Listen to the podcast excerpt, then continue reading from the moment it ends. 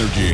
Hit music only. Lukas Graham. Hmm. Lukas. No, I'm Kasper, and I play the piano. And the ukulele. Yeah, today the ukulele. I'm Lovestick. I play the drums. My name is Lukas, and I sing and act the fool. And my name is Magnus, and I play the bass. Great presentation. You can actually use this one too. Yeah. Only for, it's only not only for a souvenir. Can Uh, we? Can we? but- Seriously, can we keep it? Yeah. No. Oh, fuck. Guys, how did you meet? Uh, school. on a dating site, Tinder. Tinder, Oh, that. So you met last uh, year. dating.se, dating.se. Uh, no, we met in the first year of high school ten years ago, and they met also ten years ago. Then he dropped out, and I didn't get to know him before he dropped out, so I only got to know him in 2010. And uh, we got to know Kasper in the band in 2012, But I actually went to the same same high school as just you guys. just like 15 Just years like before us. 100 years before. Is it because in Copenhagen there are not many high schools, so you all went to the same? No, it's it, No. This, this one high school is pretty special because you can do music on A levels and not just like regular A levels. There are like pianos in all the classrooms, and we have special music rooms and stuff. So, So did you know all of you guys that you always wanted to do music? no, we we do music because we want to do women. yes. So.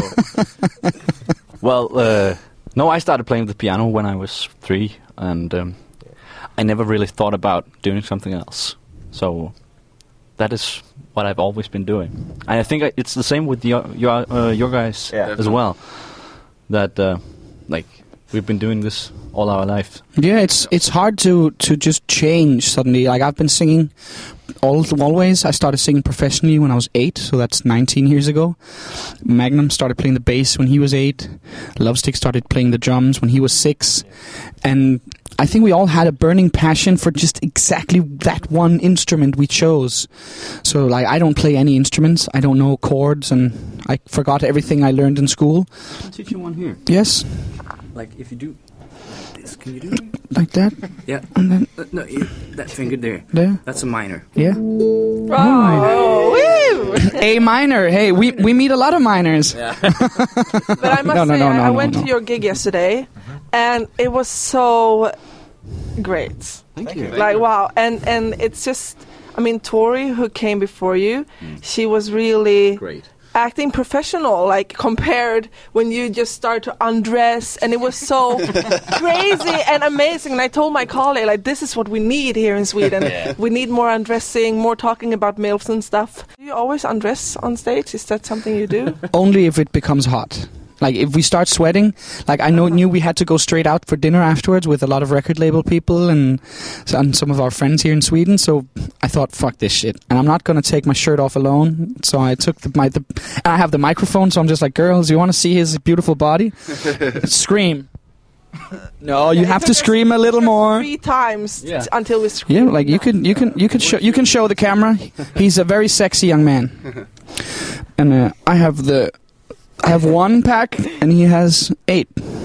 But you're so you're super famous in Denmark. How does that work? When you walk down the street, do you can you still walk down unnoticed? Yeah, Does it happen? nothing. n- Well, we, we're not in the magazines, and we don't do TV shows. If we only do TV shows if we can perform music, and we don't like we're not in the. So you mean people might know your music super well, but not your faces?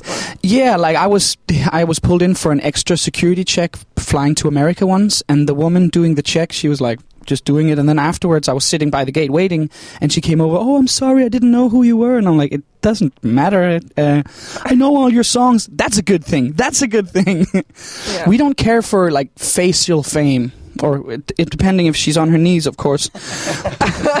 but no, for us, it's very important that people know the music and not necessarily like the faces and the guys. Yeah, but you talked about that yesterday. That you, uh, the song about uh, to your dad about being famous now and he's not able to witness it. I mean, is that something you ever think of? That now you sort of live off your music, and you talked about going to New York.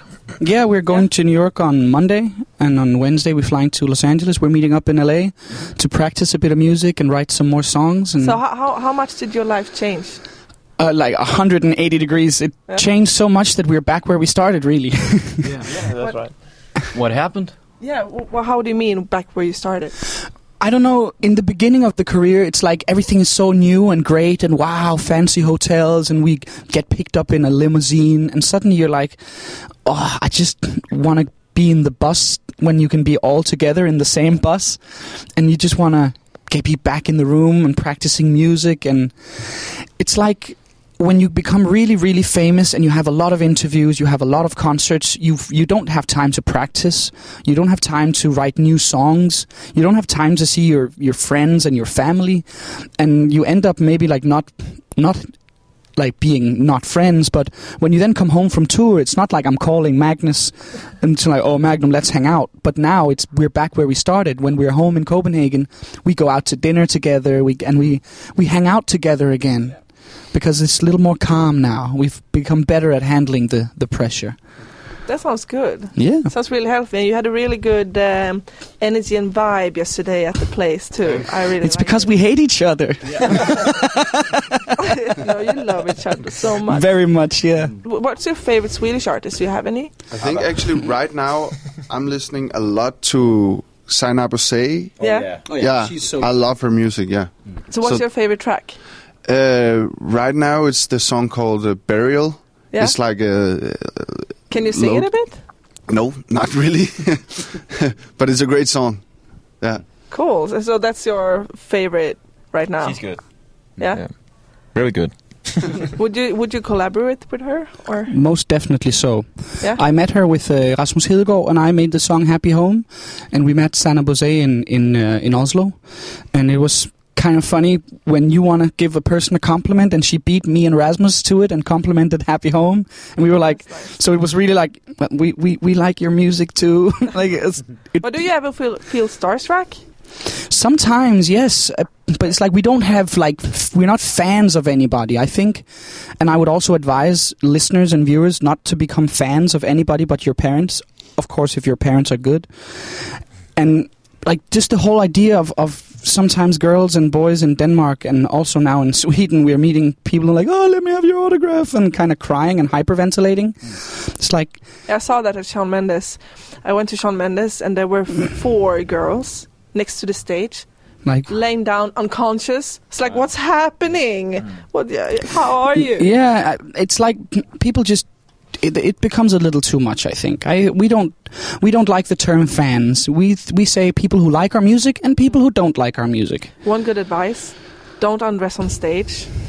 People might get unconscious. Oh shit! Yeah. so with those words, thank you so much for. Thank being you for here. having us.